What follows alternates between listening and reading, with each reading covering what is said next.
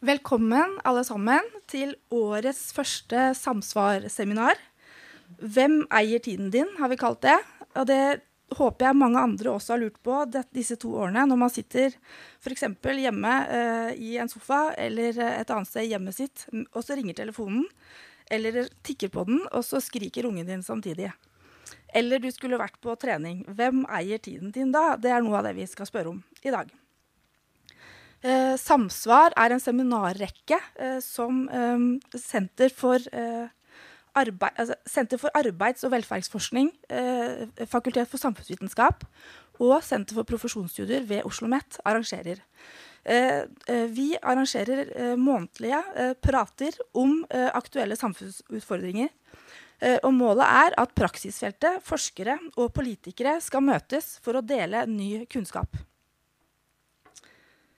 Um, vi i dag, i tillegg til å ha denne praten, uh, så lanserer vil jeg også si at uh, uh, Oslo OsloMet i disse dager lanserer et senter, et nordisk senter for arbeid og familie gjennom livsløpet.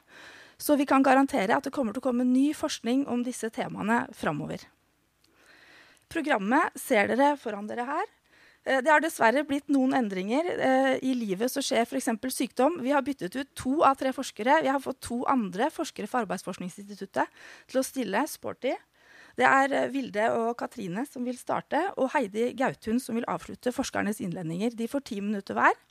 Etter det har vi fått et flott kommentatorfelt som sitter rett foran meg her. De får fem minutter hver til å kommentere. Etter det blir det en liten eh, endring, altså en liten scenerigg. Da skal vi få alle disse opp på scenen til en samtale ledet av eh, Vilde. Vilde Hoff Bernhoff ved Arbeidsforskningsinstituttet. Jeg eh, glemte da å invitere, eh, invitere første taler opp på scenen, Vilde. Velkommen. Eh, hun skal snakke om konflikt og balanse mellom jobb og hjem gjennom livsløpet. Vær så god. Scenen er din. Tusen takk. Eh, jeg skal snakke om jobb og hjem gjennom livsløpet. Og dette nye senteret vårt Nordisk senter for arbeid og familieforskning gjennom livsløpet. Grunnen til at vi i dag er veldig glade for at Oslo OsloMet lanserer dette senteret, er fordi vi tror at hvis vi som samfunn skal kunne adressere utfordringer som en aldrende befolkning, synkende fertilitet, mangle arbeidskraft i kjerneyrker, så trenger vi å se på mennesket i et helhetlig perspektiv. Se på arbeid i sammenheng også med livet utenfor arbeid, og samspillet mellom det for en sunn arbeidsplass. Og for en arbeidsplass der folk kan jobbe mest mulig og lengst mulig. Og fortsatt ha et liv. Senteret er vi per i dag ca. 15 forskere fra forskjellige steder på Oslo OsloMet. Vi har flere store og små prosjekter. Og vi gleder oss til å i dag presentere noen smakebiter av de problemstillingene vi har allerede begynt å adressere. Men først et steg tilbake. Når vi snakker om dette med jobb og hjem, så snakker vi ofte om det som to helt adskilte arenaer. Vi drar på jobb, og så er vi der. Og så drar vi hjem, og så er vi der. Og så er disse adskilt i både tid og sted. Men sånn har det jo ikke alltid vært. Vi kan tenke oss et landbrukssamfunn der eh, arbeid, barnepass, hjem gikk om hverandre. Og så var det først med den industrielle revolusjonen at vi for alvor tok et stort steg i å separere disse i både tid og rom. Og med det kom diskusjoner om hvor mye tid skal vi bruke der, hvor mye tid skal vi bruke der. Hvordan skal vi holde dem adskilt? Og så kom den digitale revolusjonen. Og dette skillet som vi hadde etablert mellom jobb og hjem, begynte å bli utfordret. Det begynte å bli lettere å ta med seg jobben hjem og det begynte å bli lettere å ta med seg privatlivet på jobb. Arbeidsgivere ble bekymret for at ansatte satt på PC-en sin og surfet eller gjorde familieting mens de var på jobben. Og de med bekymring for ansattes helse ble bekymret for at de tok med seg jobben hjem og ikke fikk fri. Og så har digitale utviklet seg ytterligere. Og vi har gått fra at vi kan ta et valg om å ta med jobben hjem, til at mange må ta et aktivt valg dersom de ikke ønsker å ta med seg jobben hjem fordi jobben følger oss i lommen til enhver tid. Så kom pandemien. Og dette skillet vi hadde etablert mellom jobb og hjem, ble ytterligere utfordret. Vi ble hjemme og jobbende på fulltid. Og da så vi eh, i starten av pandemien at rundt halvparten eh, av ansatte sleit med at kravene fra jobben gikk ut over familielivet. Og rundt en tredjedel sleit med at eh, kravene fra familielivet gikk ut over jobben. Også rundt en tredjedel, eller i underkant av en tredjedel, opplevde at arbeidsgiver hadde liten forståelse for når familielivet krevde sitt og gikk utover jobben. Og så gikk heldigvis pandemien over. Tror vi. Håper vi. Eh, men eh, hjemmekontoret ser ut til å ha kommet for å bli. 70 ønsker fortsatt å jobbe hjemmefra minst ukentlig. Omtrent halvparten av oss med mulighet for hjemmekontor jobber også hjemme fra ukentlig hele dagen. Omtrent halvparten av oss med mulighet for hjemmekontor jobber også hjemmefra ukentlig etter arbeidstid. Og dette er bare noen av de måtene som teknologi fortsatt i dag er med å viske ut skillet mellom jobb og hjem. Og så er det jo ikke da sånn som jeg sa, at dette skillet mellom jobb og hjem er absolutt. Det kan kombineres på mange forskjellige måter. Men vi kan velge å ta et bevisst valg om vi ønsker å kombinere dem eller skille dem på en måte som skaper et sunnere arbeidsliv, for en mer bærekraftig arbeidsliv, eller om vi skal la digital teknologi styre de valgene eh, og la det gli ut. Så hvorfor er vi så opptatt uh, av dette skillet? Vi er opptatt av det fordi vi tenker at uh, det er måter som vi kombinerer det i dag, uh, som kanskje ikke er forenlig med et sunt arbeidsliv. For at vi skal få tilstrekkelig restitusjon i fritiden vår. Det fins måter vi kombinerer det på som kobles til jobb-hjem-konflikt. Og som derfor er en belastning for de ansatte. Vi ser at eh, eh, jobb-hjem-konflikt kan gå begge veier. Det kan være når kravene i jobben er slik at vi ikke greier å møte kravene eh, på hjemmebane, men også når kravene på hjemmebane er så store at vi ikke klarer å møte kravene på jobben. Det kan skje i tid, ved at den tiden vi bruker på arbeid, gjør at det er vanskelig for oss å møte de kravene vi har i fritiden vår. Som at vi f.eks. er nødt til å være på jobb og derfor ikke kan ta med en syk mor til legen. Det kan skje i krefter, som at vi har vært oppe hele natten med et sykt barn og derfor ikke greier å prestere på jobb selv om vi har møtt opp. Og det kan skje i atferd. Hvis vi f.eks. har kranglet så mye på hjemmebane at vi begynner å kjefte på kollegaer når vi kommer opp på jobb. Men essensen er at dette kan gå i begge retninger, og det skaper stress og ubalanse. Og vi mener at eh, et sunt og godt arbeidsliv er nødt til å ta hensyn til hele denne balansen for at det skal gå opp. Eller i hvert fall bør.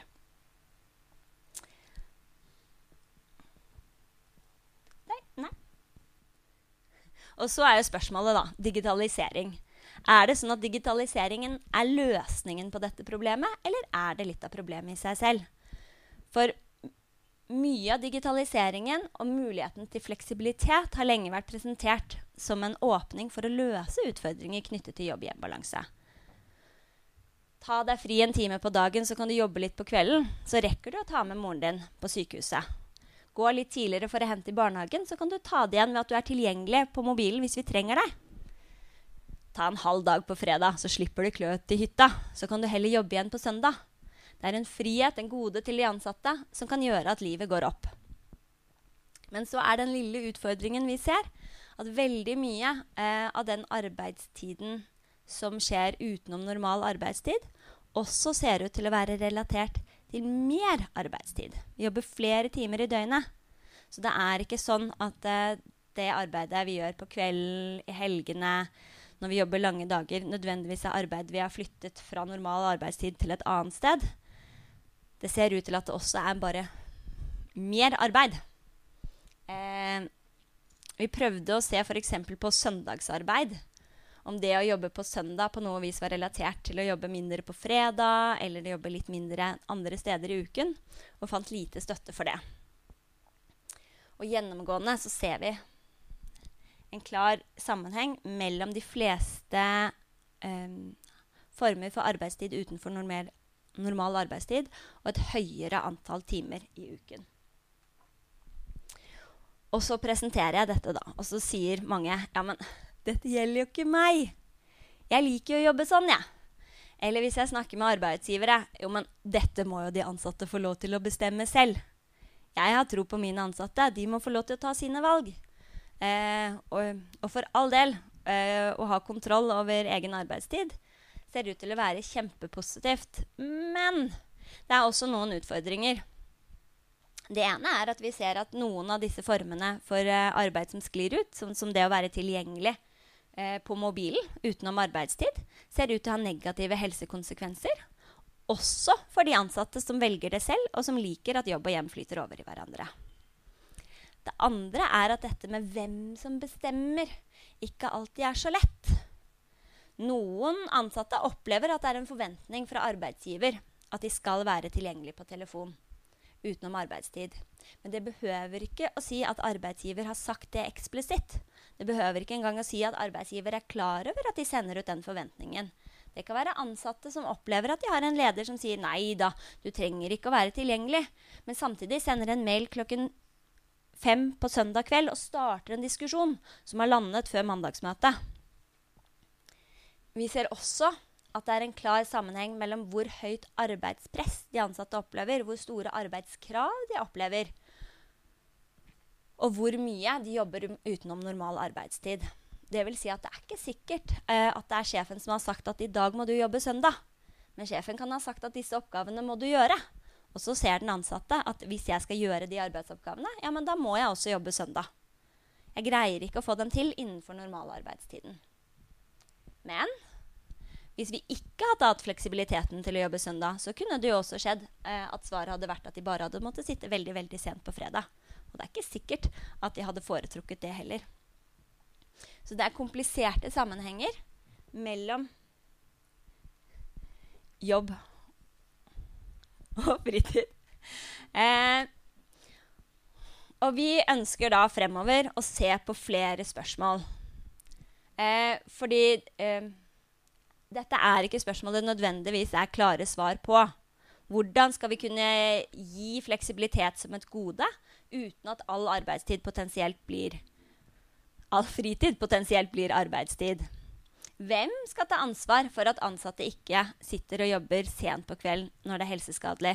Har arbeidsgiver, Hvor langt skal arbeidsgiver gå i å passe på at de ansatte som ønsker å koble fra, også føler at de har muligheten til å ta kveldene og nattene sine fri. Hvor mye ansvar skal vi legge på den enkelte i å passe på å regulere sin egen arbeidstid, slik at dette går opp? Hvordan kommer vi som samfunn inn her? Er dette et forhold som i sin helhet skal reguleres mellom arbeidsgiver og arbeidstaker, eller trenger vi som samfunn å se på hva som er nyttig fra et samfunnsperspektiv? Også for at ansatte skal holde seg friske over tid. For at ansatte skal kunne gjøre andre oppgaver i samfunnet, som å få barn og passe på eldre, samtidig som de skal være arbeidstagere. Vi har mange spørsmål, eh, og vi tror at eh, det å se på dette gjennom et livsløpsperspektiv vil gi en eh, stor gevinst fremover. Fordi mye av den forskningen som også har vært gjort, har vært ganske fokusert enten på populasjonen som helhet eller på eh, spesifikt foreldre med små barn. Så vi gleder oss veldig til å fortsette med denne tematikken og håper på at vi i dag får en god diskusjon. Takk for meg. Tusen takk, eh, Vilde. Det var mange interessante spørsmål til, eh, til, debatten etterpå. Neste forsker ut er Katrine Egeland fra Arbeidsforskningsinstituttet. Eh, kjempefint å være her i dag. Eh, takk for en fin innledning, Vilde. Og så eh, skal jeg egentlig eh, ta og bore litt i eh, disse, litt, litt, sånn det kvalitative siden av dette her. på bakgrunn av forskning vi har gjort på både digitalisering og hjemmekontor, både før og under pandemien. Ja, det jeg skal se på, er skal snakke litt om eh, når kan det være bra å jobbe på hjemmekontor. Eh, også dette med hjemmekontor og fleksibilitet snakke litt om det ut ifra kvalitative funn. Eh, men òg altså, når kan fleksibilitet eh, bli et problem? Eh, da kommer jeg litt inn på det som jeg har kalt eh, fleksibilitetsparadokset. Skal vi se. Men først, da. Eh, hvem kan eh, hjemmekontor passer for? Når kan det være bra å sitte på hjemmekontor? Vel, det kan, eh, det kan, for det første være fint med hjemmekontor, men da ikke eh, når det er hele tiden. Eh, og eh, folk foretrekker at det er frivillig. Og så fungerer det bra når man har en flink leder, eh, og helst en seriøs arbeidsgiver som følger deg ordentlig opp. At du ikke blir sittende alene. Eh, så kan det òg være fint med hjemmekontor eh, når du har litt helseplager. Enten fysisk eller psykisk eller begge deler. Altså litt nedsatt arbeidsevne. Da kan det òg godt være fint eh, å ha muligheten for hjemmekontor. Det kan altså fungere det som ofte kalles arbeidsinkluderende. Så kan det òg være bra med hjemmekontor når du er en av de som har vært i arbeidslivet noen år og kanskje begynner å bli litt lei. Da kan det òg være greit å kunne være på hjemmekontor, iallfall innimellom. Og så fungerer det bra når du har stor nok bolig.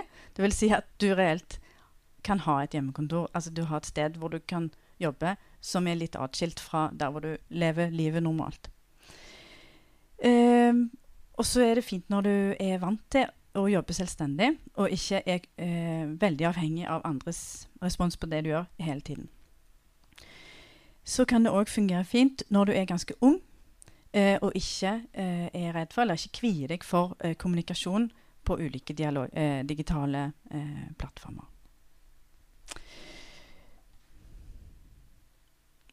så har jeg et eksempel her da på Oi, nå kan ikke jeg, oi det var rødt. Det, var, det, kom ut litt rart, men eh, jeg har da et eksempel på når, når, når kan det fungere fint med hjemmekontor. Dette er da en arbeidstaker som nettopp eh, har vært i arbeidslivet en stund og har fått litt eh, redusert arbeidsevne. En mann. Så sier han da For meg ble det altså hjemmekontor da, en mulighet til å komme mye raskere tilbake på jobb fordi jeg kunne jobbe hjemmefra da. Jeg føler at jeg har mer overskudd nå så når jeg liksom får en følelse av at batteriene er litt nede, så er det lett å bare gå en tur med hunden, eller ta seg en kopp kaffe eller te, eller et eller annet sånt. Mens på jobben er man litt mer stuck. Og jeg er ikke så supersosial, så jeg er ikke så flink til å gå ut og mingle og prate og sånn, så jeg er egentlig bedre på de småpausene hjemme enn på jobb da. Så for meg har det vært fint, men jeg savner jo jobben litt òg.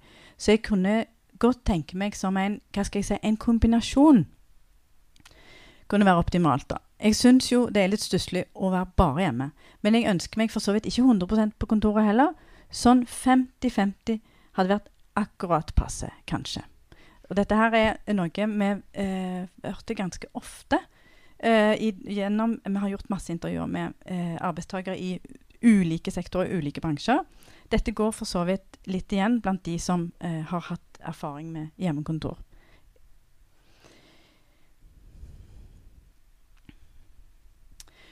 Og når det gjelder hjemmekontor, men òg digitalisering, så er det jo sånn at det er fordeler med at jobben alltid er med. F.eks. I form av en eh, mobiltelefon hvor du kan lese mail.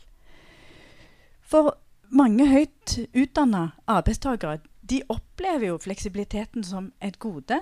Det at du kan sjonglere jobb og liv som, som du vil. Starte og begynne å jobbe når du vil. Og fleksibiliteten eh, den ligger jo i teknologien. Det er ikke bare det å sitte hjemme og jobbe i seg sjøl. Men det er uansett en fordel for ja, dedikerte ansatte da, som ønsker å yte eh, på høyest mulig nivå i, i, jobben sin. Da kan du få vist det ved at du når som helst kan logge deg på og, og, og, og yte. Men fleksibiliteten har jo en pris òg, da. Eh, fordi eh, med, høy grad av fleksibilitet, og du kan velge når og hvor du vil jobbe, eh, så er det jo sånn at eh, all tid i praksis kan gjøres om til arbeidstid. Så er det lover og regler, men i praksis kan alt gjøres om til eh, arbeidstid. Og det skyldes jo ikke hjemmekontoret i seg sjøl, det skyldes jo ny teknologi, mulighetene som ligger der. Eh, F.eks. ved at eh, de fleste av oss har jo nå, eh, og kanskje til og med liggende på bordet her, en mobil eh, med mail som kan sjekkes når som helst. Eh, og som Vilde allerede var inne på, reguleringer og rettigheter. Eh, det er jo bra, men det kan jo komme eh, til kort. Når f.eks. arbeidstakere eh, føler at eh, selv om du har rett til å legge ned arbeid klokka ni, f.eks., eh, så kan du allikevel føle at du burde jobbe mer, enten for din egen skyld pga. karriere, eller pga. at du eh, ja, bare rett og slett føler deg solidarisk med kolleger, eller gjør det av hensyn til arbeidsgiver. Så arbeidstiden den spiser seg inn i eh, all annen tid. Eller det er mulighet for at arbeidstiden spiser seg Det er en risiko for at arbeidstiden spiser seg all, inn i eh, annen tid. F.eks. fritiden din eller familietiden din. Så har vi et, eh, et eksempel på det, da. En eh, arbeidstaker Dette er ikke arbeidstakeren, da, men eh, nå kommer et sitat fra en arbeidstaker som handler litt om dette. Så hun sier hun yngste er veldig, veldig glad i å bade. Uh, og da kan jeg finne på uh, å sitte på baderomsgulvet med PC-en mens, eh, og jobbe mens hun holder på. Og kanskje jeg har gjort det litt for mye. Jeg tenker jeg kan kombinere. ikke sant? Når hun sitter i badekaret, så er det ikke så spennende å henge over kanten og misforstå meg greit. Det er fint å prate med henne, og hun sier jo mye morsomt. Men da tenker jeg at jeg kan se med et snitt. Det er bare få unna litt, da. Så kan man si òg at det er jo interessant at uh, hun, hun, hun, sitter ved badekanten da, og føler at hun kan få seg et snitt altså, Det måte, det foregår litt sånn på siden, litt sånn halvt skjult, men, men uh, det foregår altså en jobbing. Så kan man si burde hun sitte og snakke med barnet sitt istedenfor? Ja, hva burde hun egentlig gjøre? Men uansett. Det, her spiser arbeidstiden seg for så vidt inn i familietiden det vi kan se ut fra vår forskning, er at det omvendte skjer jo òg. Familien eller familietiden eller fritiden kan jo òg spise seg inn i arbeidstiden. Med hjemmekontor, da, f.eks., så har vi sett at det som finner sted, er, det er at eh, sceneskiftet man får ved å dra hjemmefra på jobb, det forsvinner. Uh, man får mer utflytende grenser, og det er ikke bare utflytende grenser mellom arbeidstiden og fritiden, men òg mellom de ulike rollene. Rollene du har som arbeidstaker, rollene du har som privatperson, for, eller f.eks. mor eller far. Og vi vet jo fra tidsbrukundersøkelser at OK, far gjør mer hjemme i dag, men det er fremdeles mor som gjør mest der hjemme. Eh, vi har forskning som handler mye om f.eks. det tredje skiftet eh, disse usynlige arbeidsoppgavene som skal gjøres der hjemme eh, hver dag. Eh, og disse er det mødre først og fremst eh, som tar seg av. Hva skjer da når eh, mor og far kommer på hjemmekontor? Og vi spør hvem er det som sørger for å skjerme seg, skjerme arbeidstiden sin på hjemmekontor. Hvem er det som gjør seg tilgjengelig for barn eller egne foreldre på hjemmekontor med denne fleksibiliteten?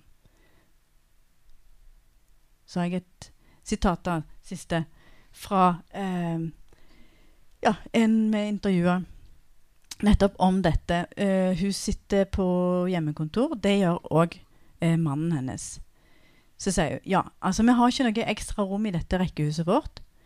Så jeg har flytta meg litt rundt i uh, det som er stue og kjøkken. Mens mannen min har lagd seg en pult nede i gangen. da, Så han sitter nede, gjemt på vei til vaskerommet der ingen vil være. Mens jeg sitter her. For en måned siden så kjøpte jeg en pult, så nå har jeg en skrivepult her som jeg har satt opp mot vinduet. Mens ellers så har jeg flytta meg fra kjøkkenbord til sofaen når jeg trenger å legge opp beina, liksom. Så det er det som er problemet med hjemmekontor for meg. At når det første av barna kommer hjem halv to-to, så er det gått fem timer av arbeidsdagen. Så er, man ikke alene lenger, og så springer det barn og venninner omkring. Så det har jo vært en utfordring. Så kan det selvfølgelig være hyggelig, men det blir altså mindre eh, arbeid av det.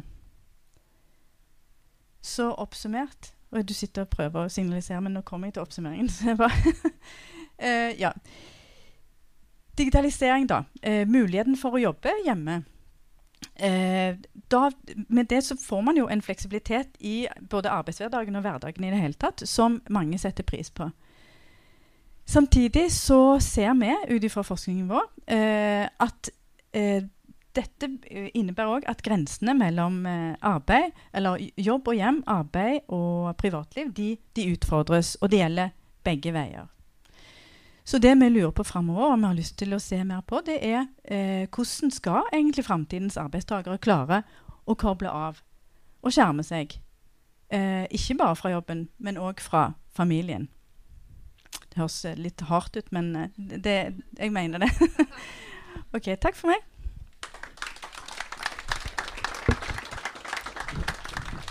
Tusen takk, Katrine. Jeg må si Det er en utakknemlig jobb å skulle stoppe dere. Eh, det lover godt for dette senteret. Vi må følge med på forskningen derfra framover. Siste forsker ut i dag er Heidi Gautun.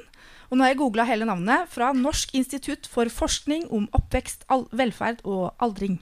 Vær så god. Flere undersøkelser viser at eldre, har, eh, altså spesielt de over 80, har lite eller ingen digital kompetanse. Omtrent halvparten eh, av de over 80 har ikke, viste en kartlegging i fjor, har ikke smarttelefon.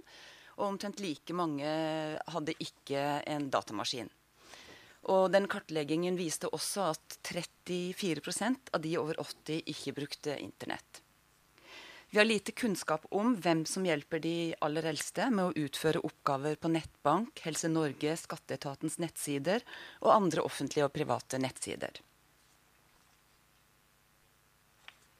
Jeg skal presentere noen resultater fra en undersøkelse der vi har undersøkt digital og andre typer hjelp som sønner og døtre gir til gamle foreldre. Undersøkelsen er gjennomført som en del av et treårig samarbeidsprosjekt mellom NOVA og tre andre forskningsinstitutter, inkludert AFI. Og prosjektet som er finansiert av Forskningsrådet, har som mål å frembringe ny kunnskap om hvordan omsorg for gamle foreldre påvirker arbeidsmarkedsdeltakelse, hva som kan gjøre det lettere å kombinere jobb med omsorg for gamle foreldre. Og videreformidle denne kunnskapen til beslutningstakere som har ansvar for å utforme velferdsstats- og arbeidslivspolitikk.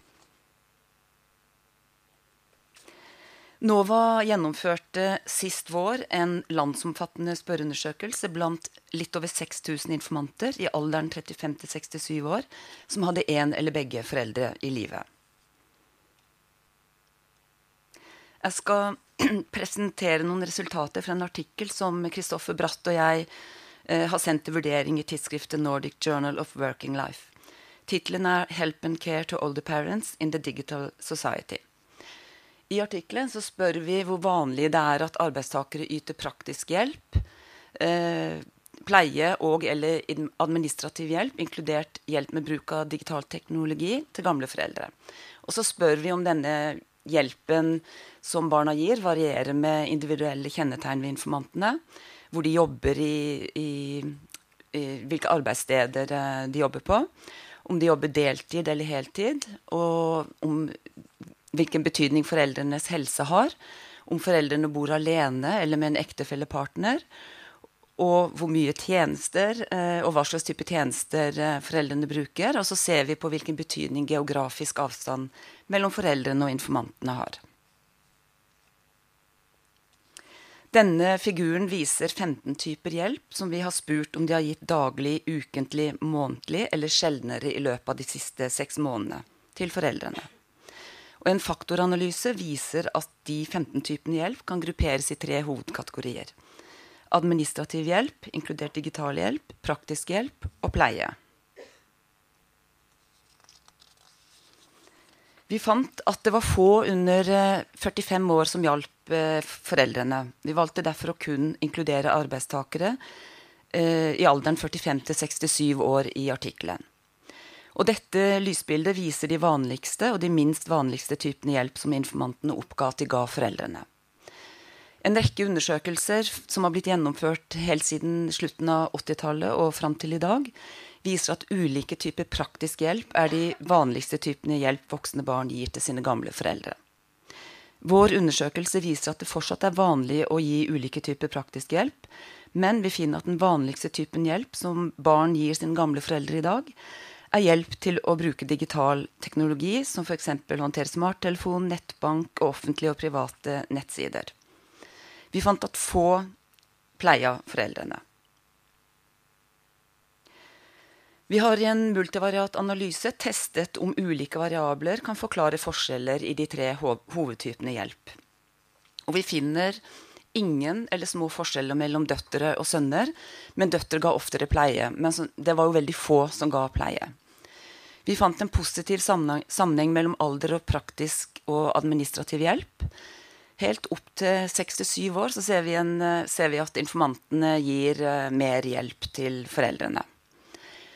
Vi fikk, finner ikke forskjeller mellom eh, grupper med ulik sosioøkonomisk bakgrunn. Og vi finner heller ikke forskjeller mellom de som jobba deltid eller heltid. Og heller ikke mellom informanter som jobba på arbeidssteder i ulike sektorer i arbeidslivet.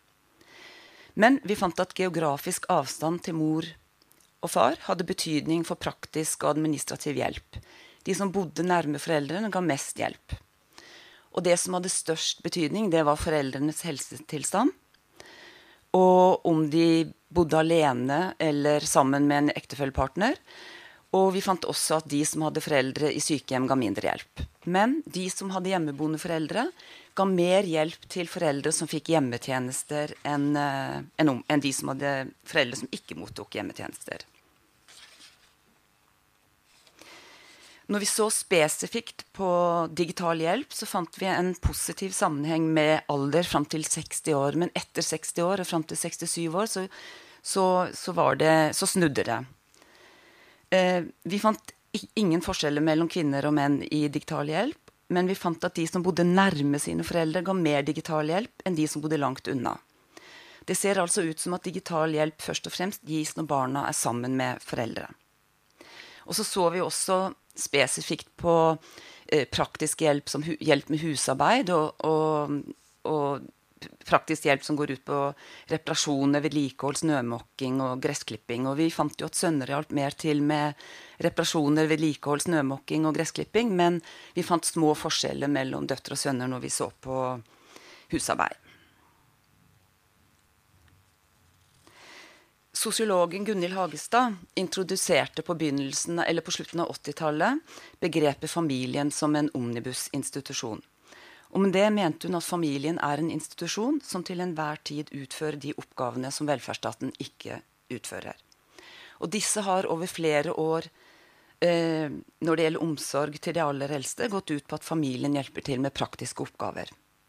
Velferdsstaten har og tar fortsatt hovedansvaret for å yte helsetjenester og pleie. Og begrepet omnibusinstitusjon ser ut til at i økende grad å være relevant. Hjemmehjelptjenesten, dvs. Si praktisk hjelp til eldre, har blitt strammet inn over år. Og sannsynligheten for at de eldre i enda større grad vil bli avhengig av å få praktisk hjelp av familien i årene som kommer, er stor. Og I tillegg til at pårørende vil få et enda større press på seg for å yte praktisk hjelp, eh, som velferdsstaten ikke har ressurser til å yte, så ser vi at døtre og sønner har begynt å gi hjelp som det kan se ut som at velferdsstaten ikke har erkjent at eldre har behov for. Vi fant at digital hjelp har blitt den vanligste typen hjelp døtre og sønner gir gamle foreldre.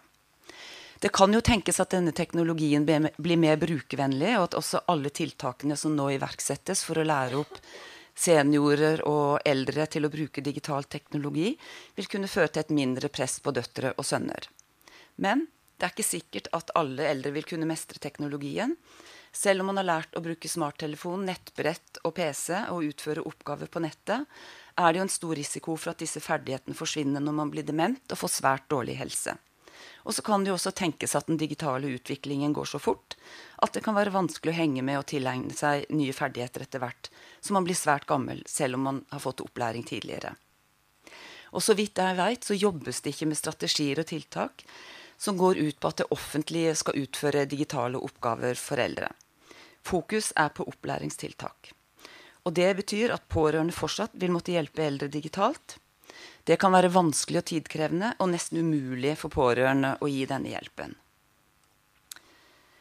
Noen av dere så kanskje intervjuet med skuespiller Joner i Dagsrevyen i desember, hvor han fortalte at han i ti år hadde hjulpet svigermoren med digitale banktjenester. For, ti, for to år siden så starta det han omtaler som et mareritt som han fortsatt er fanga i. Kodebrikken til svigermoren var blitt borte, og han tok kontakt med banken for å få tak i en ny, sånn at han kunne fortsette med å betale regninger for henne. Men banken sa at de kunne ikke sende han kodebrikken, og at svigermoren selv måtte ta kontakt med banken. Hun hadde verken gyldig pass eller bankkort med bilde, og hun var også for skrøpelig til å møte opp i banken. Og uten kodebrikke så mistet, mistet svigermoren tilgang til nettbank og en rekke offentlige og private tjenester som krever at man bruker BankID. Og Joner han har brukt mye tid på å sende mange e-poster og ringe banken uten at problemet ble løst. Og, eh, vente på at han skal bli satt over fra denne robotchatten til eh, et menneske som, som snakker med han. Han sier at han venter opp til, til eh, 50 minutter på å komme gjennom. Og så er det ingen e-postadresser eller direkte telefonnumre som man kan ta kontakt gjennom på, på bankens nettsider. Så han sier at det har vært en lang og komplisert prosess, til tross for at svigermoren har skrevet en fremtidserklæring som sier at han og hans kone skulle ta seg av svigermorens kommunikasjon med det offentlige. Og så oppsto det jo en ny hindring i 2022, da, når, eh, når vi alle måtte eh, bekrefte vår identitet. Eh, de fleste av oss kunne jo gjøre det på nett. Og noen kunne, som ikke klarte det, kunne møte opp i banken. For hvis ikke så ville bankkontoen bli stengt. Og nå er Jonar, Joner fortsatt i en prosess med mange e-poster og telefoner for å få løst problemet. Og banken viser til at de ikke kan hjelpe til pga. krav fra Finanstilsynet som er innført for å forhindre hvitvasking. Så svigermor har fortsatt ikke banket, og i den siste telefonsamtalen med banken ropte Joner 'nå gir jeg bare opp'. Det er jo ikke bare hans svigermor eh, eh, som sliter med å bruke digitale banktjenester. Mange eldre sliter, og de gjør også pårørende når de prøver å hjelpe. Vi trenger både et lovverk og praktiske løsninger som kan gjøre det enklere, mindre frustrerende og tidkrevende for pårørende å utføre nødvendige oppgaver for de aller eldste på nettet. Så burde det jo i det minste være mulig å få på plass ordninger for pårørende som har blitt gitt tillatelse til å utføre disse oppgavene i en fremtidsfullmakt som trer i kraft når en person ikke er i stand til å ivareta sin interesse pga. demens eller alvorlig svekka helse. Takk for oppmerksomheten.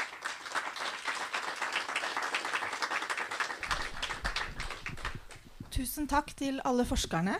Ehm, da var det mange baller som var kastet opp i lufta. Eh, da er det kommentatorene eh, sin tur. Trude Tindlund fra LO, velkommen opp. Takk for det, og takk for tre gode oppspill. Eh, den teknologiske utviklingen har jo vært enorm på mange områder. Og i Norge så er det jo viktig å si at vi har jo alltid vært positive til, og vi har også vært gode på å ta i bruk ny teknologi.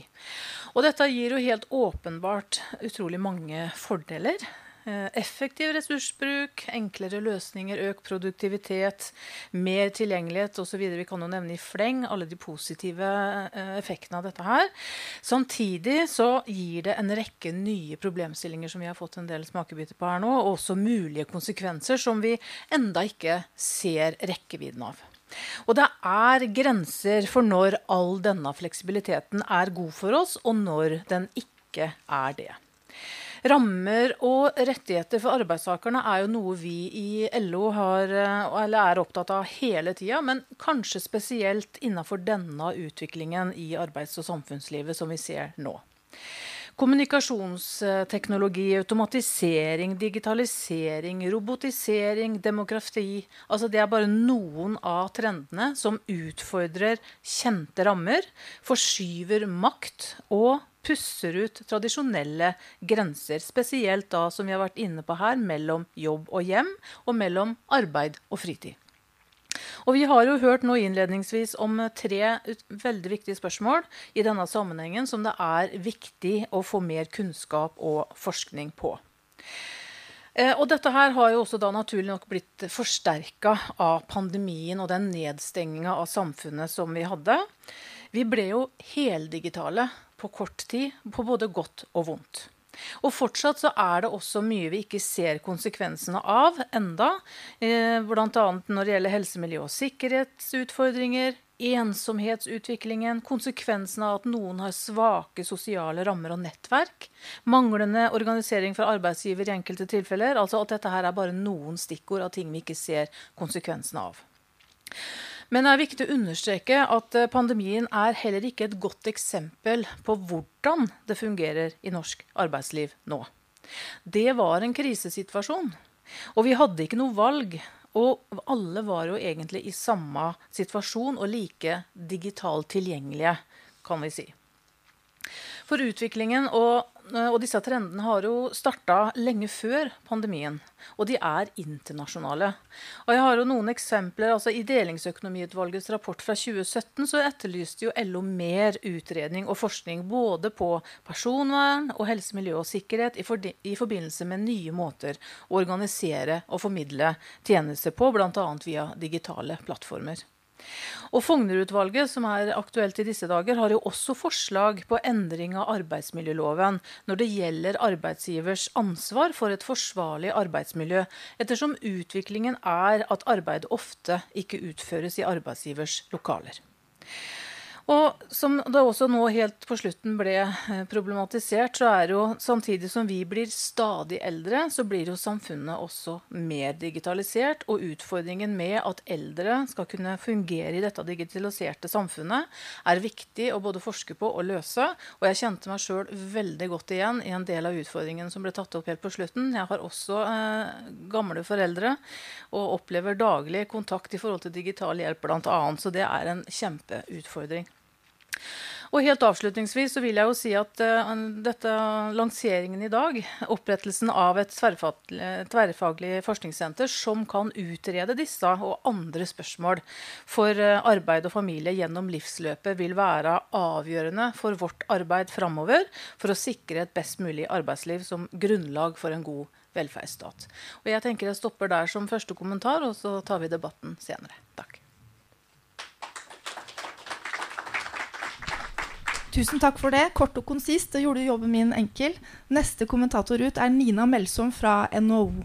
Tusen takk eh, først og fremst for veldig gode innledninger. Eh, og eh, under pandemien så var NHO ute mye og kommenterte på hjemmekontor. Og det vi også var veldig tydelige på den gangen, det er at vi ønsket mer kunnskap. Mer forskning på nettopp disse temaene. Eh, for vi var opptatt av at vi kan ikke lage politikk eller eh, eh, anbefalinger basert på en unntakstilstand som det var under pandemien. Det, vi vet jo da at den gang så ble vi pålagt hjemmekontor i forskjell for fra hvordan det kanskje er nå, hvor det ikke er myndighetene som pålegger oss det. Vi satt mer på hjemmekontor. Eh, og vi opplevde også å ha barn oppå oss da vi satt på hjemmekontor. Og det er litt annerledes enn den situasjonen vi er nå. Eh, og Derfor så er det ekstremt viktig det vi jobber med nå for å tilegne oss eh, mer kunnskap. Og så kan jeg godt si at veldig mange av eh, våre medlemsbedrifter de ønsker å legge til rette for fleksibilitet, både når det gjelder valg av arbeidssted og arbeidstid. De ser at det er viktig, ikke minst også for å tiltrekke seg å være en attraktiv arbeidsgiver. Så hensynet når vi spør bedriftene, så er det på en måte det å være en attraktiv arbeidsgiver de trekker frem som det viktigste. Det er ikke det at de ønsker å gi et pålegg. Og så er det jo sånn som flere av forskerne har vært eh, inne på nå, at eh, økt fleksibilitet og eh, autonomi, der arbeidstaker får større rom til selv å bestemme når og hvor arbeidet best kan utføres, det er jo i utgangspunktet positivt for arbeidstakernes eh, indre motivasjon. Det tror jeg veldig mange av oss kjenner oss igjen i også. Eh, og Det kan jo også bidra til at vi får nettopp denne gode balansen mellom jobb og eh, fritid. Det gir oss rom for å følge opp barna våre, det gir oss rom for å følge opp foreldrene våre. Men så er det, som vi også allerede har vært inne på, dette store mennet. Eh, fordi at det som kan gi oss frihet, det kan også gi oss utfordringer. Eh, og det er eh, Vi er fra NHOs side veldig opptatt av at vi klarer å finne denne gode balansen mellom jobb og fritid. Eh, og vi vet jo at hvis man ikke klarer å koble seg av, så kan det være helseskadelig. Eh, og Det har jo AFI også vært eh, inne på i denne hjemme borte uavgjort-notatet eh, sitt. Så sett fra vår side, fra arbeidsgiversiden, så tenker jo vi som så at vi er tjent med å ha friske og uthvilte arbeidstakere. Og det vil være veldig lite gunstig om arbeidsstokken får dårligere helse av alltid og av å være påkoblet. Og derfor, derfor er vi også opptatt av at det skal være god dialog mellom eh, arbeidsgiver og arbeidstaker nettopp om denne type spørsmål. Gode retningslinjer. Vi har, gjennomfører jevnlige medlemsundersøkelser, og der spurte vi også bedriftene våre om eh, ansattes tilgjengelighet utenom ordinær arbeidstid. I det såkalte arbeidsmiljøbarometeret som vi gjennomførte rett før Arendalsuka. Og der svarte halvparten av våre medlemsbedrifter, eller 45% at de har hatt dialog med de ansatte om hvor, til, hvor tilgjengelig de forventes å være etter arbeidstid. Eh, og så tenker nok vi at det er ikke gitt at det er regulering som er veien å gå. Vi har tro på denne gode dialogen mellom arbeidsgiver og arbeidstaker, og oppfordrer nettopp til det for å finne gode individuelle løsninger. Det kan også variere mellom bransjer. Og så har jeg også lyst til å understreke at vi har arbeidstidsbestemmelser i arbeidsmiljøloven. Og de skal følges, for det er en grunn for at vi har arbeidstidsbestemmelser. Nettopp for å gi oss tilstrekkelig hvile. Eh, og vi har også bestemmelser i lovverket som sier at hvis vi sitter på hjemmekontor, så skal det ligge en skriftlig avtale i bånd. Ehm, så her er vi veldig tydelige på at vi oppfordrer til å ha dialog og skriftlige retningslinjer rundt dette. Og så har vi nå i dag hatt mye fokus på arbeidstaker. Eh, og så tenker jeg at det er noen andre dimensjoner som for oss også er veldig viktige å ha eh, fokus på. Og det er jo det ene i forhold til hva det betyr dette for bedriften eller for arbeidsgiverne. Eh, da i forhold til hvordan skaper vi et godt arbeidsmiljø for alle? Hvordan skaper vi en bobedriftskultur? Hvordan vil hjemmekontor virke i forhold til innovasjon og produktivitet? For produktivitet er også viktig i forhold til hvordan lønnsutvikling vi har. Så Det er også viktig tema å ha med seg. Og Det siste vi er opptatt av, er jo egentlig, som vi har vært litt inne på i dag, det er den samfunnsmessige betydningen hjemmekontor kan ha på kort og lang sikt i forhold til likestilling. Er det sånn at dette kan bidra til å fremme likestilling, eller er det sånn at dette kan bidra å sette likestilling i revers? Vi har ikke svarene på det, og derfor er vi også veldig opptatt av forskerne med oss. Vi er opptatt av dette i forhold til seniorpolitikk. Vi skal jobbe lenger fordi vi lever lenger. Vil hjemmekontor bidra til at vi som eldre seniorarbeidstakere reserverer oss litt og ikke utfordrer komfortsonen vår hver dag? Eller bidrar det til det motsatte? Vi har ikke svarene på det, og det vil vi gjerne være med i en fortsatt dialog på. Tusen takk. Tusen takk, Nina Melsom. Da er neste og nest siste kommentator ut er Lise Lyngsnes Randeberg, som er leder for Akademikerne. Takk for det. Takk for introduksjonen, og takk for gode innledninger. Og vi i Akademikerne vi organiserer jo arbeidstakere som har en master eller mer. Altså de med høy utdanning. Og våre medlemmer er jo svært opptatt av fleksibilitet. Det skal jeg komme litt tilbake til. Og teknologiutviklinga den skaper jo hele tida nye måter å leve på, å lære på, og få underholdning på men også nye måter å jobbe på. Og det tenker vi at er mer en mulighet enn en begrensning. Men vi trenger kunnskap som gjør at vi kan få utnytta mulighetene på en god måte. Forskninga må innrettes sånn at vi får kunnskap som gjør oss i stand til å forebygge de uheldige sidene av denne fleksibiliteten. Og vi må ikke bare se på eh, utfordringene og grave oss ned i problemene. Vi må òg fokusere på løsningene. Hva er løsningene? Hva er det som gjør at vi får de rammene som gjør at vi klarer å ta vare på enkeltpersoner, beholde produktiviteten i arbeidslivet og få tatt ut fordelene? Og eh, kunnskapen må òg ta høyde for at det er ulike livsfaser, det er ulikt jobbinnhold, det er ulike stillinger, det er ulike fagfelt som har forskjellige utfordringer når det kommer til digitalisering og jobbing eh, hjemmefra. Men vi tenker i bunn og grunn at teknologiutvikling og digitalisering er mer en mulighet enn en begrensning. Men det setter krav til ledelse, og det setter krav til partssamarbeid på den enkelte arbeidsplass. Og den dialogen er vi veldig opptatt av. For den forventningsavklaringa er helt essensiell hvis det her skal gå bra. Og vi spør jo òg både våre tillitsvalgte, og vi har også et akademikerpanel som vi spør om her tingene. Og noen av resultatene er litt nedslående. F.eks. så er det 40% av våre tillitsvalgte i offentlig sektor.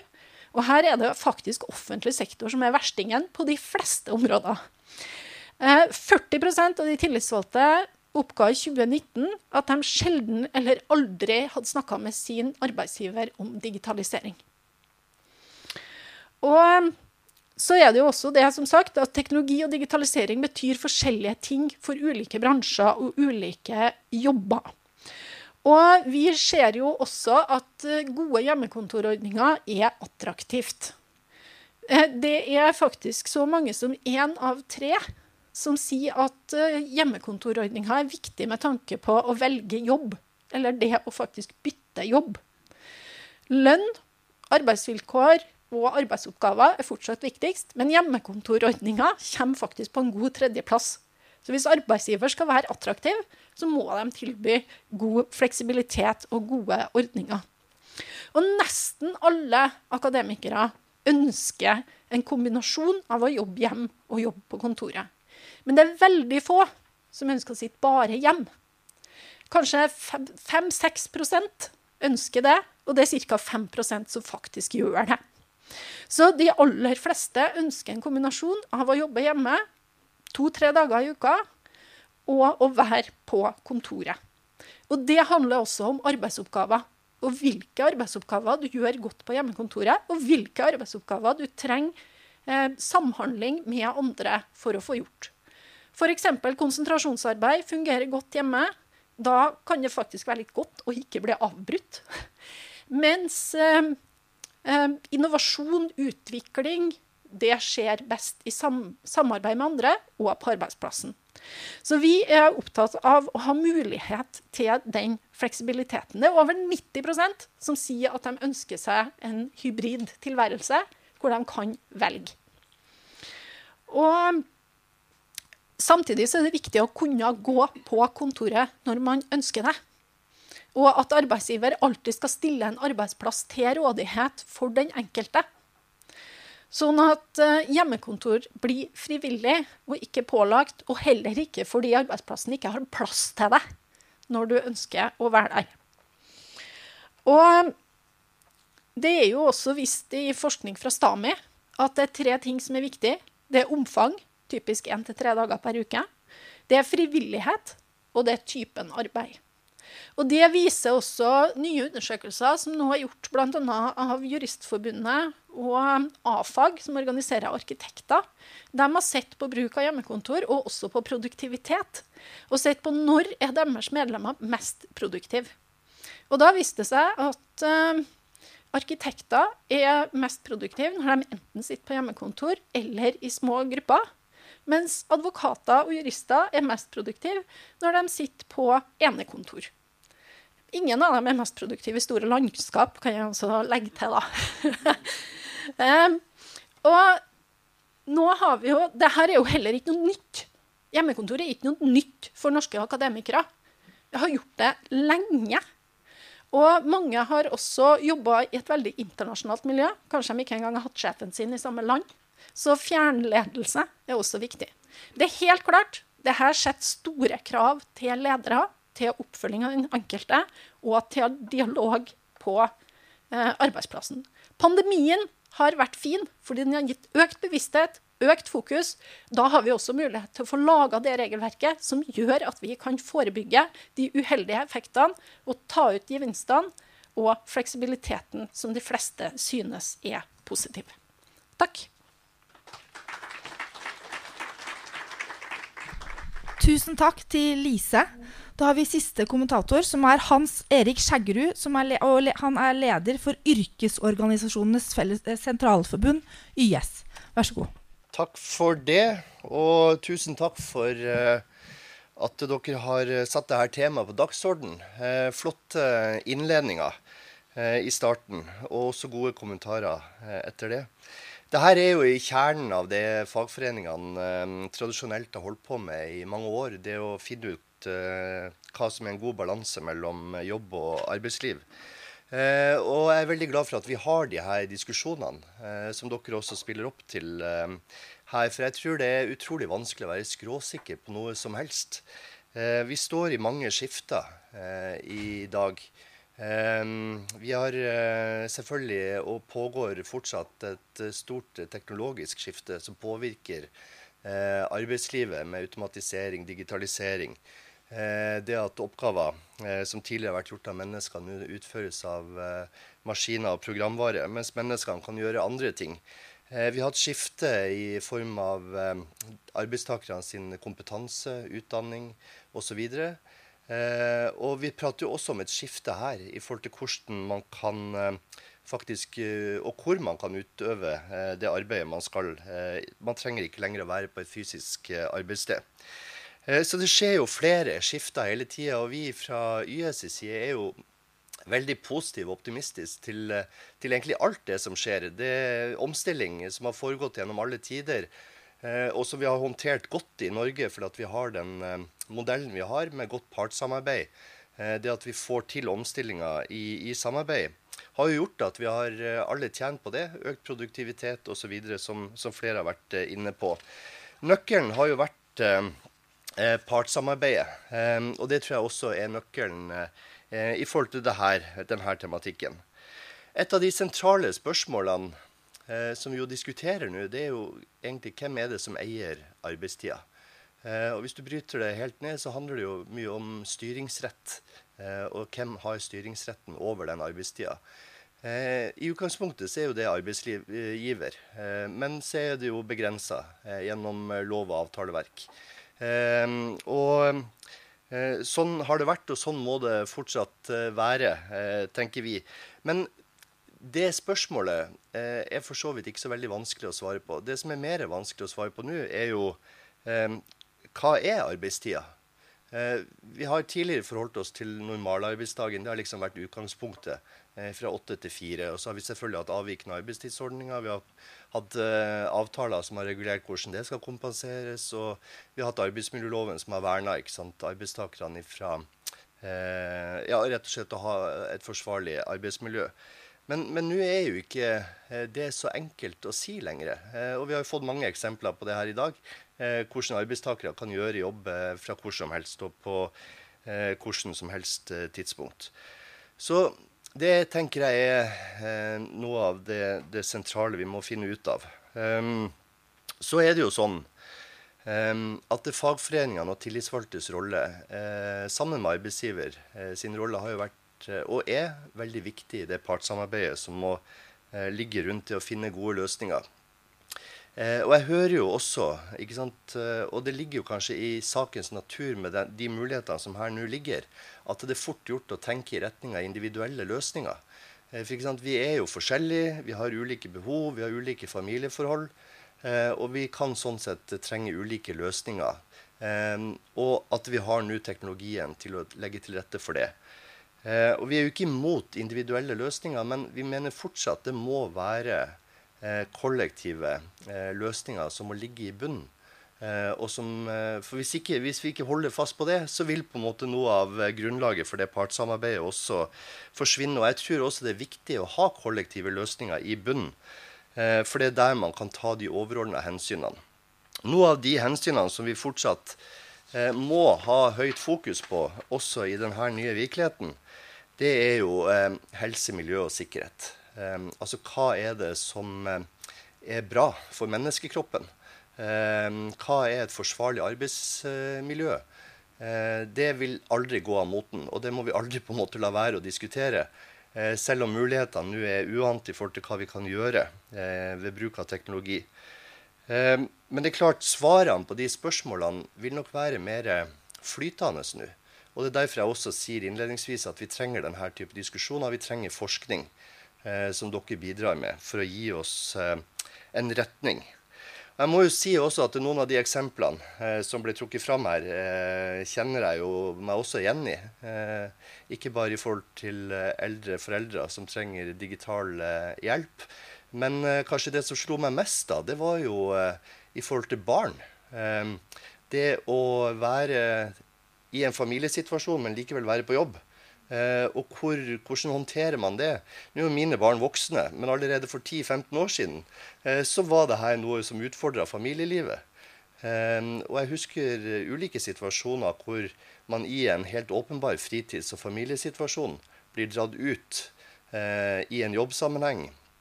Og det er jo ikke noe tvil om at det har konsekvenser for relasjoner. Eh, og det var for 10-15 år siden. Eh, men nå er det en helt annen virkelighet. Så jeg tror det er et veldig viktig tema eh, å ha fokus på. Ikke bare, som jo selvfølgelig er det viktigste sånn sett fra fagforeningas side, helse, miljø og sikkerhet for den ansatte og arbeidstakeren. Men vi må også ta inn de andre aspektene knytta til familieliv og relasjoner.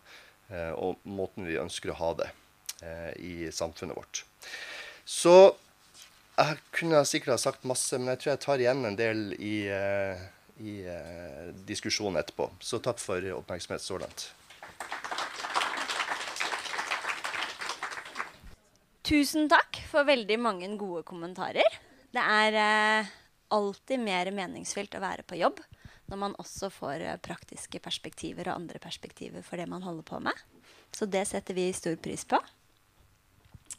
Men hvis vi skal eh, snu temaene opp ned og starte med disse eldre foreldrene Vi har et samfunn nå hvor vi ønsker og trenger at folk står i jobb. Og vi har syk barndager.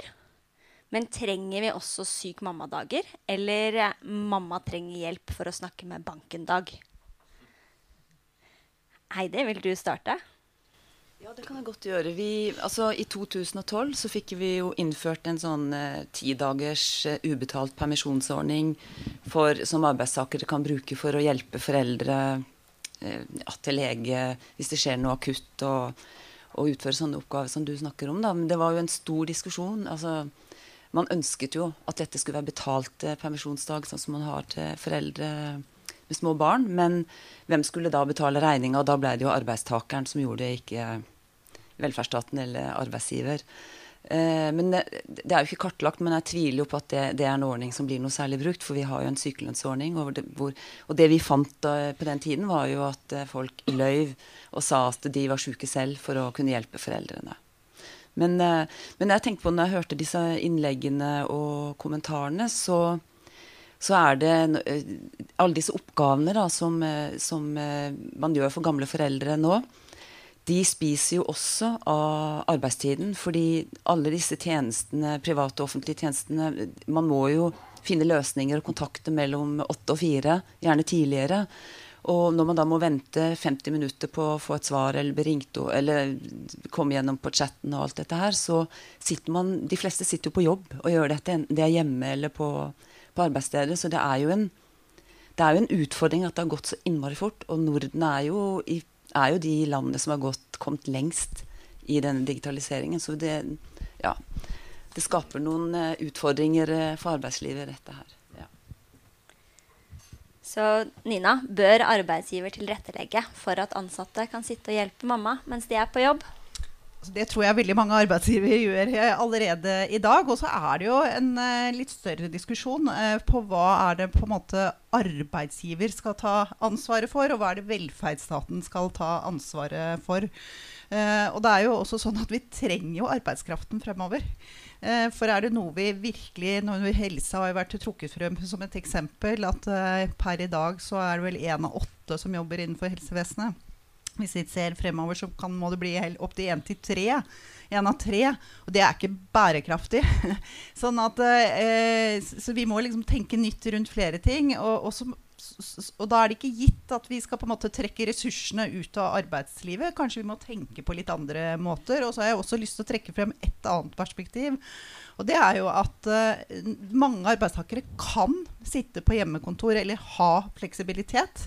Men det er også eh, rundt 40% av virksomhetene eller arbeidstakerne som ikke kan det. ikke sant? Og det er det en del av våre bedrifter som setter litt ord på også. At vi må være litt varsomme med å sette oss i en situasjon hvor vi får et delt arbeidsliv mellom de som kan få fleksibilitet, og de som ikke så lett får fleksibilitet. For vi i Norge så er vi veldig sånn at vi vil ha de prøve å tenke likhetsperspektivet. Og kanskje det bidrar til at vi bør heller tenke på hva er det velferdssamfunnet skal eh, bidra med. Så det var en sånn uh, første innkast på det. Ja. Altså det, det, finnes jo allerede i dag eksempler på um, norske virksomheter som, uh, hvor fagforeningene har en særavtale med arbeidsgiver, hvor de faktisk har den typen omsorgsdager som kan brukes til å ta vare på, på eldre i, og andre familiemedlemmer. Tilsvarende det man har for syke barn. Det finnes jo allerede i dag i um, jeg kjenner i alle fall til et par eksempler fra store norske virksomheter hvor det finnes. Som en faktaopplysning. Det er jo strålende. Var det en hånd fra ja. IS der òg? Yes. Nei, jeg bare tenkte i forhold til det du spør om nå, så tror jeg det er viktig at vi eh, eh, holder fast på det som Nina sier, altså velferdsstatens rolle, da det er klart Hvis vi finner og leter etter alternative roller som skal uh, på en måte uh, avlaste det, de forventningene vi har til velferdsstaten, så kan det hende at vi er på litt farlig, farlig, vei. Samtidig så, så, tenker jeg det eksempelet som ble trukket fram her med, med Joner, er jo det er skummelt. ikke sant? Og du, du, ser jo en del av den type utvikling i, i mange vestlige demokratier der um, velferdsstaten uh, Nå er ikke banken en del av velferdsstaten, men, uh, men f.eks. Nav, da, den type tjenester, uh, blir for lite tilgjengelig for publikum. Uh, og hvilke konsekvenser det har for tilliten til ja, ytterste konsekvens hos demokratiet. Men jeg tror vi må holde fast på, på velferdsstatens tjenester. Og så må vi selvfølgelig finne praktiske ordninger. Eh, vi har jo i avtaleverket eh, mye bra allerede som tilrettelegger for, for omsorg. Eh, om vi trenger en egen omsorgsdag for foreldre, det, det er jeg litt usikker på. Men får tenke videre på det. Ja, jeg kan bare henge meg på her. Eh, det har blitt sagt veldig mye, mye bra her nå. i forbindelse med at, eh, Og så er det også gode eksempler på at ting som er framforhandla mellom partene i tariffoppgjørene, de finner gjerne sin vei videre også til kollektive, brede ordninger også, eh, når det er godt grunnlag for det. Så, så om vi ender opp med en diskusjon i forhold til dager for å ta vare på foreldre, det gjenstår jo å se. Men jeg vet også at det fins eksempler på det. Men når det er sagt, så er jeg også veldig opptatt av, som har vært sagt tidligere her også. Vi kan ikke eh, overta eh, ansvaret for velferdsstaten eh, heller. Men vi er nødt til å sørge for at det er brede og gode rammer for det. Og vi har god fleksibilitet innenfor ordninger som vi allerede har i dag. Og vi er veldig opptatt av at vi ikke bare innfører nye som kan gå utover rettighetene til arbeidstakerne. Og, når det er sagt, så er det også veldig viktig at vi gjør beslutninger på bakgrunn av et litt bredere forskning i, i, i, bredden av samfunnet, og ikke bare på én gruppe arbeidstakere. Det er viktig å påpeke. Har vi først eh, NHO og så Akademikerne? Jeg tenker jo eh, det som ble sagt i forhold til eldre, og at det eh, våre foreldre har behov for, er digital hjelp, så går det jo også an å tenke litt motsatt vei. Altså at Man må kanskje ikke Hvorfor skal man bare ha kontakt med banken på dagtid? Og, og, vi bruker jo mer og mer, i hvert fall de yngre, bruker jo mer og mer et chat eller mail fremfor telefon. Altså, går det an å bruke teknologien som et redskap for å, å hjelpe oss også? Uh, så jeg er veldig enig her at uh, vi må tenke bredt rundt dette og ikke falle ned på en beslutning veldig raskt som kan få noen andre negative effekter. Altså, det er jo klart at uh, det, det mulighetene i teknologien er enormt store. Og det er klart det er også noen utfordringer. Og digitalt utenforskap er jo et, generelt et stort problem. Med alle grupper som faller utafor det digitale samfunnet. Det gjelder jo ikke bare eldre. Eh, det gjelder jo dem som ikke har noe bosted, det gjelder rusmisbrukere. Det gjelder egentlig ganske store grupper eh, av samfunnet som blir hengende etter. Det er det viktige at vi snakker om og finner gode løsninger på. Uh, og når det gjelder uh, eldre og offentlige tjenester og ikke-offentlige private tjenester, som i tilfelle banker, så er det jo også noe med at vi har et ansvar om å stille krav da, til de tjenestene og til deres tilgjengelighet. Og jeg har jo også lyst til å komme med en oppfordring til Joner om bytte bank. Altså, Still noen krav til banken òg. Det er ikke så lett, vet du, fordi han har ikke noen rettigheter i forhold til den banken. Nei, ikke sant? Men uh, det, Selvfølgelig ikke. Men uh, jeg tenker også det er noe med at uh, hvis vi faktisk får bevissthet på det, får opp diskusjonene, så har vi også starten til å få gjort noe med problemet. Ja.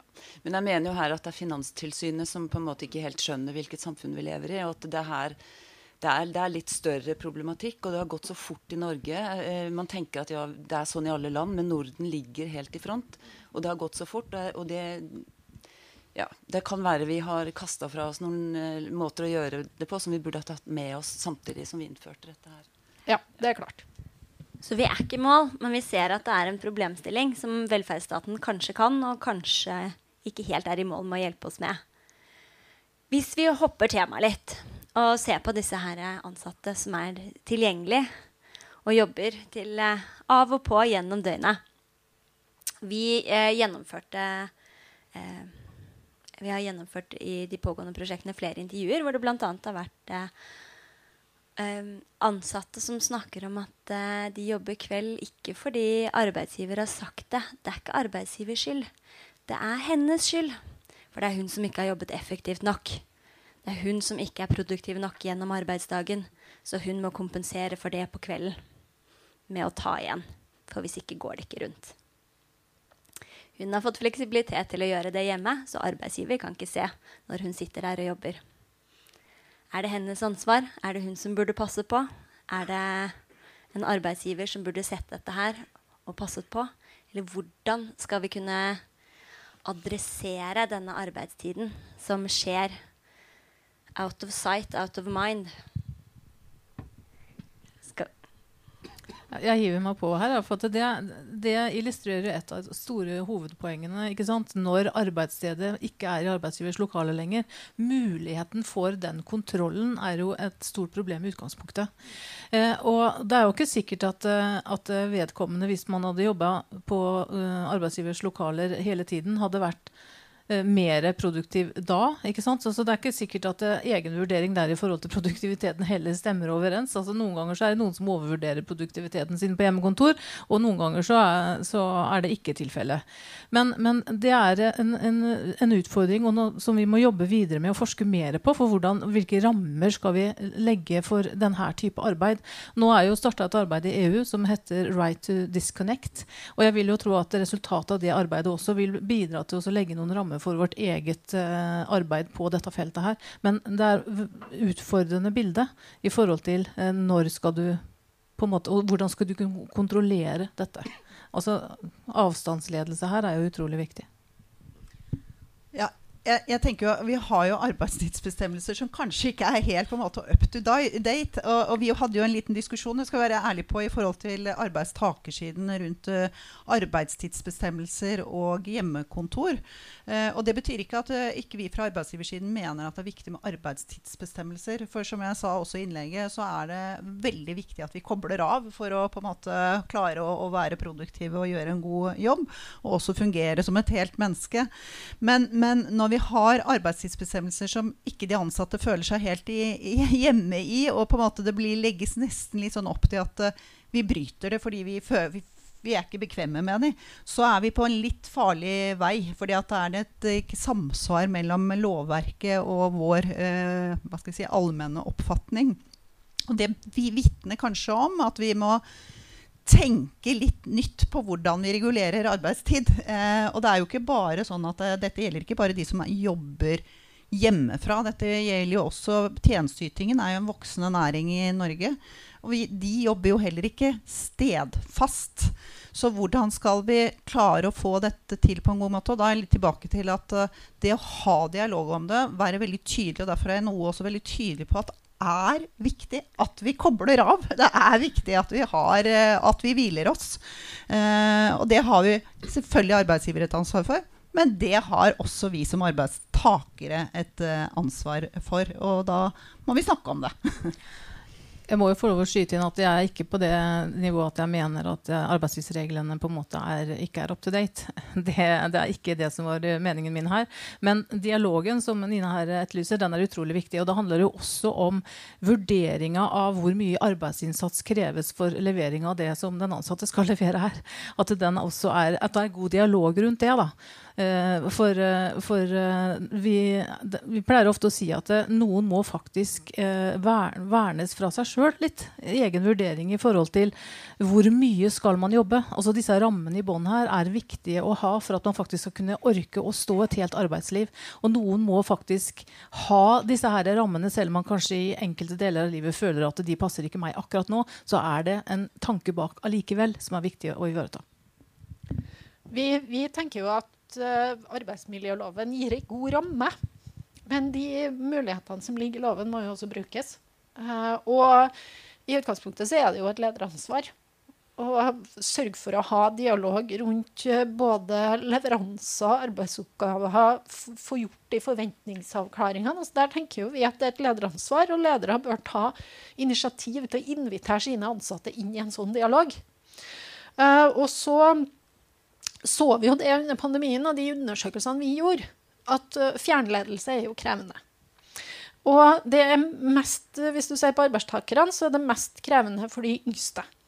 Og det er jo kanskje ikke så rart, for de har ikke helt fått denne forventningsavklaringa og fått inn kulturen i bedriften og vet akkurat hva som er forventa. Så der trengs det da spesiell oppmerksomhet fra ledere også, for å være sikker på at Eh, at, vi har med også de yngste, og kanskje også de eldste. Men det er jo en kontinuerlig dialog, og vi så i løpet av pandemien så utvikla det seg enormt. Så vi har egentlig fått en kjempeboost på det her med fjernledelse i løpet av pandemien. Så jeg håper vi også kan ta med oss litt av læringa og de gode tingene videre inn i et mer hybrid arbeidsliv.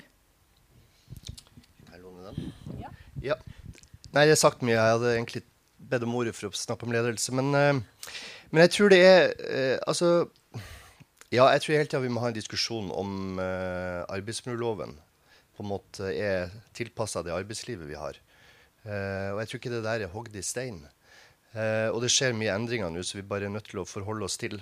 men ikke sant, det er noe med det arbeidslivet som er delt. flere har vært inne på det. fortsatt er det mange som har stedbundet arbeidssted. og det enklere å på en måte si når til arbeidstida på en helseinstitusjon er. Eh, men det er vanskeligere eh, for en del eh, andre yrker å definere hva den arbeidstida er. Hvis du er høyt utdanna og jobber i akademia eller et eller annet sånt, jobber du når du sitter og tenker, ikke sant? du kan jo trekke det ut i absurd, det absurde. Eh, men eh, jeg tror det der er noe vi må ha en diskusjon om. Og så er jeg veldig enig om det med ledelse. Altså det, det, stiller ut helt andre krav til ledelse i dag med de mulighetene og de endringene som skjer. Eh, så det å ha dialog med den arbeidstakeren som føler den ikke strekker til, og ikke klarer å disponere dagen sin på en god nok måte, det tenker jeg selvfølgelig er et ansvar som arbeidstaker også har å forholde seg til. Men eh, det er også et ledelsesansvar eh, å ha den type dialog da, med arbeidstakerne, der man kommer inn i den type diskusjoner eh, og kan bidra med veiledning eh, og ledelse. Takk. Nå er det jo flere av dere som har vært litt inne på dette her med å være tilgjengelig også. Eh, du nevnte Right to Disconnect, som jo er en bevegelse i EU. Og vi har snakket om arbeidsmiljøloven sånn som den er. Arbeidsmiljøloven har jo noen eh, regler knyttet til å være on call, men Nydelig norsk språk fra min side. Være, eh, men dette har jo ikke blitt tolket i form av å være tilgjengelig på mobilen. Og vi ser jo at det er flere ansatte som er tilgjengelige på mobilen for å svare helt frem til de går og legger seg. De er det gjennom dagen. De skrur den ikke av. Eh, og, og, gjennom intervjuene så er det ikke alltid at de ansatte rapporterer dette som arbeidstid heller. Så de skal bare svare litt. Eh, si fra at eh, ja, 'jeg kan ikke akkurat nå, jeg skal svare i morgen'. Kanskje en høyt utdannet advokat som sier det er veldig deilig når hun tar det glasset vin, for da vet hun at da kan hun ikke jobbe lenger. Eh, og også har vi jo sett at det gjelder ikke bare høyt utdannede. Du har helsefagarbeidere som blir bombardert med meldinger om når kan du komme på jobb, når kan du komme på jobb, kan du ta det skiftet, kan du ta det skiftet, gjennom fritiden sin for å øke god samvittighet og avslapning. Så hvis vi ser måte bort fra den veldig konkrete arbeidstiden når alle vet at nå jobber du, eh, selv om det er kveld eller eh, dag, hva med denne tilkoblingen? Når blir det arbeidstid, og er det godt nok regulert i dag? Skal jeg prøve å svare? Eh, det er klart at Man er der litt tilbake tenker jeg, til, eh, til, For det første er det forskjell mellom type stillinger. Man har særlig uavhengig stilling, og så har man de som ikke er særlig uavhengig stilling. og Der er det jo forskjellig regelverk. Men åkke som, så er det jo også Derfor litt tilbake til det jeg også sa i innledningen, at det er viktig at man har eh, retningslinjer og tanker og bevissthet rundt det i, i den enkelte virksomhet. Uh, og vi derfor oppfordrer til å, å, gjøre det. Og det har vært inne på den betydningen av ledelse. Fordi uh, noen virksomheter de er jo veldig bevisste på at man skal ikke sende mail på kveldstid. Uh, man har jo til og med noen programmer som kan sende det ut i arbeidstiden. Du kan godt skrive mailen på kvelden, men da skal den nå den frem, først frem til meg som mottaker innenfor arbeidstid. Eh, andre gjør det på andre måter. At jeg kan få lov å sende mailen, men da, skal mottaker på en måte vite at, uh, at, du trenger ikke å svare på kveldstid. Eh, og skulle det haste veldig, at det er en eller annen eh, emergency-situasjon, så sender man en SMS i tillegg. Men det, dette bare vitner jo egentlig om betydningen av at det må være en uh, dialog. Uh, og at uh, i hvert fall sett fra vårt ståsted, så er det ikke sånn at vi ønsker ett regelverk for alle arbeidstakere, men vi ønsker at dette er noe det må være god partsdialog rundt, fordi man trenger litt ulike løsninger fra arbeidstakergruppe til arbeidstakergruppe, og fra virksomhet til eh, virksomhet. Og den dialogen, skal det skje på virksomhetsnivå, på yrkesnivå? hvem Hvis jeg som arbeidsgiver sier at jeg liker veldig fint at mine ansatte er tilgjengelige på kvelden, og de ikke sier til meg at OK, men det orker jeg ikke. Da, da, er man jo tilbake til altså Arbeidsmiljølovens arbeidstidsbestemmelser ligger i bånn, og de skal alle arbeidsgivere forholde seg til. Eh, så hvis jeg som arbeidsgiver begynner å pålegge mine ansatte å jobbe på kveldstid, som ikke er i en særlig uavhengig stilling, så går jeg på, på, på, akkord med lovverket. Eh, der, men nettopp derfor er vi jo, nå har vi jo mye dialog om betydningen av et organisert arbeidsliv. Eh, fra NOs side så er vi veldig opptatt av at vi har et organisert arbeidsliv med gode tillitsvalgte. Sånn at vi sørger nettopp for denne gode dialogen. Og det er jo litt tilbake til at det har jo bidratt til et produktivt og godt arbeidsliv i Norge. Eh, som vi også er eh, avhengige av. Eh, men, men, derfor så tenker jeg jo også nettopp denne type arena er viktig. fordi at det setter på dagsorden betydningen av at vi er bevisst, som Trude var inne på også. Denne retten til å koble seg av, den er viktig for oss. Det er jo litt det samme i forhold til vi gjorde en medlemsundersøkelse i forhold til ferie. Det er jo skremmende mange som jobber i ferien. ikke sant? Sånn at vi må liksom hjelpe hverandre til å, å, å koble av. Og så syns jeg Hva er det er klart at For mange så er litt den grensen mellom hva som er jobb og hva som er hobby, kan også være litt flytende. jeg var inne på dette med unge arbeidstakere. Jeg kjenner meg veldig godt igjen i det selv. at uh, syntes det var kjempegøy og masse, masse. Og, og, selv om sjefen min sa til meg at det var dumt, så, så syns jeg sikkert det er gøy. Eh, eller syns jeg det var gøy. Jeg er sammen med en musiker som uh, jobber Han øver Det er jo litt Kanskje man kan finne noen noen eh, hva skal jeg si, ideer fra andre yrkesgrupper også. De, jo, de øver jo hver dag. Flere timer hver dag. Men de har også en inntrent på en måte, Sånn som jeg opplever det, i hvert fall, at de må også koble av. De har det mer inne som en mindset. Mens jeg som har jobbet som advokat, vi hadde en litt mer kultur på at det er kult å jobbe mye. Så det er noe med å øke bevissthetsnivået. Ja, Dette er jo et godt eksempel på viktigheten av å ha, å ha det rammeverket i bånn. Der ligger rammen på, på, hva som skal være arbeidstid, eh, hviletid og fritid. Eh, ikke sant? Eh, men da er vi også tilbake som Nina sa, til det godt organiserte arbeidslivet. Å ha den der eh, forhandlingen på bedriftene, den gode dialogen. Men også trekke fram vernetjenesten. Nå er det forslag til endring av arbeidsmiljøloven nå, hvor man skal, kan ha verneombud også helt opp til kun fem ansatte f.eks. Vernetjenesten er også en viktig brikke i forhold til dette her med arbeidstid og, og hviletid, og det også kunne koble av. da.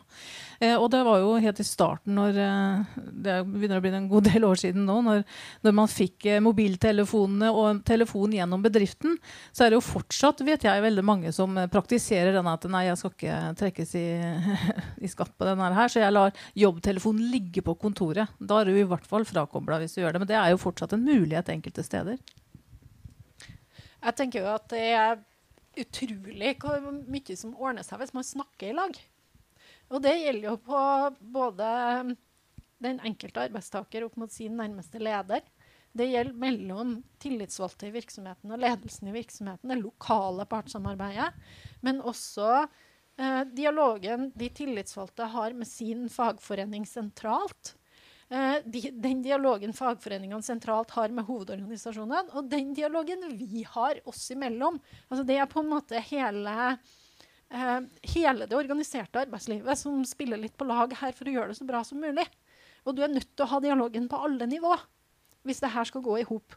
Men da tror jeg forutsetningene egentlig er ganske gode i Norge for at vi skal lykkes med å kunne utnytte fleksibiliteten, tilby den, og samtidig sørge for at vi har gode rammebetingelser som eh, ikke ødelegger folk.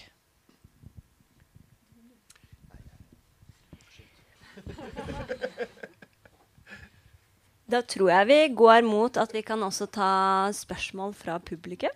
Hvis det er noen som har noe. Ja, der var det en hånd i været med en gang.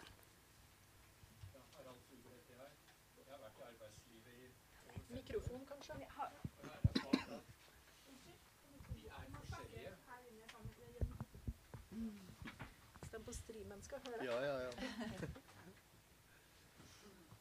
Harald Furu heter jeg. Jeg har vært i arbeidslivet i over 50 år. Jeg jobbet i den første norske bedriften som lette etter olje i Nordsjøen. Men jeg fant ut at vi fant for mye olje, så jeg ga meg etter 15 år. Men ok, jeg har erfart én ting, at vi må selvfølgelig ha rammer. Det gjelder uh, som arbeidsgiver og arbeidstaker. Vi må ha rammer, men vi må ikke ha rammer som er til større skade enn nytte. For vi er forskjellige, og det dukker opp situasjoner hele tiden. Det har vært i mitt liv. Eh, jeg har mistet to koner av kreft, og samtidig har jeg hatt eh, jobb. Og jeg husker jeg jobbet i Kverner, og det dukket opp situasjoner hele tiden som var svært alvorlige. Blant annet eh, så kom det en ingeniør til meg og så sa det at de, de, bedriften holdt på å gå konkurs. Det var 100 ansatte. Men de måtte gjennomføre. De kunne fått en ordre på 50 eller 100 millioner, så vi hadde reddet hele bedriften. Men da måtte de gjennomføre en, en, en kvalitetssjekk i løpet av kort tid. Og så uh, fikk jeg en avtale da med Veritas, som kunne gjøre det. Men de hadde ikke klart innenfor den tiden. Så da sa jeg at ok, jeg tar med meg høreklokker og sovepose, og så kan jeg jobbe døgnet rundt på Veritas og ha vekkerklokken på hver tredje time i tre-fire dager pluss en helg. Og det gjorde jeg sammen med kvalitetssjefen i denne bedriften. Og da kom verneombudet på, og sa det at dette har du ikke lov til. Du har ikke lov til å jobbe så mye. Og da han fra denne bedriften han tok seg ferie, og så jobbet han eh, på Veritas og i sovepose, og vi gjennomførte kontrakten, så vi reddet bedriften. Så det er klart at det skjer så mye i livet som ikke kan reguleres ikke, det var ikke noe i jeg, jeg, husker min siste kone. Da hun fikk kreft, da var hun veldig sint på Vår Herre. Men etter den tid så sa, at, eh, så sa, hun at, jeg er veldig glad for at jeg har fått kreft, for denne lærdommen ville jeg aldri vært uh, foruten. Men jeg skulle gjerne vært kvitt kreften. Men konklusjon vi må ikke ha rammer som hindrer oss i å yte en innsats.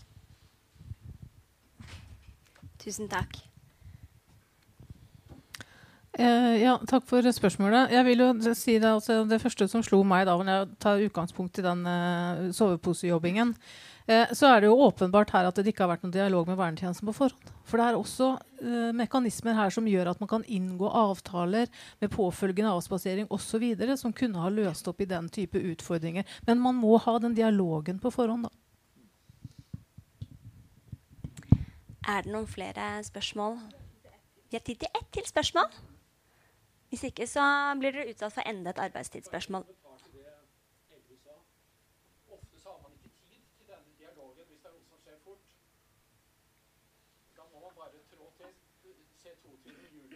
Politiet gjorde alt ifølge lover og regler med 77 mennesker bedrept.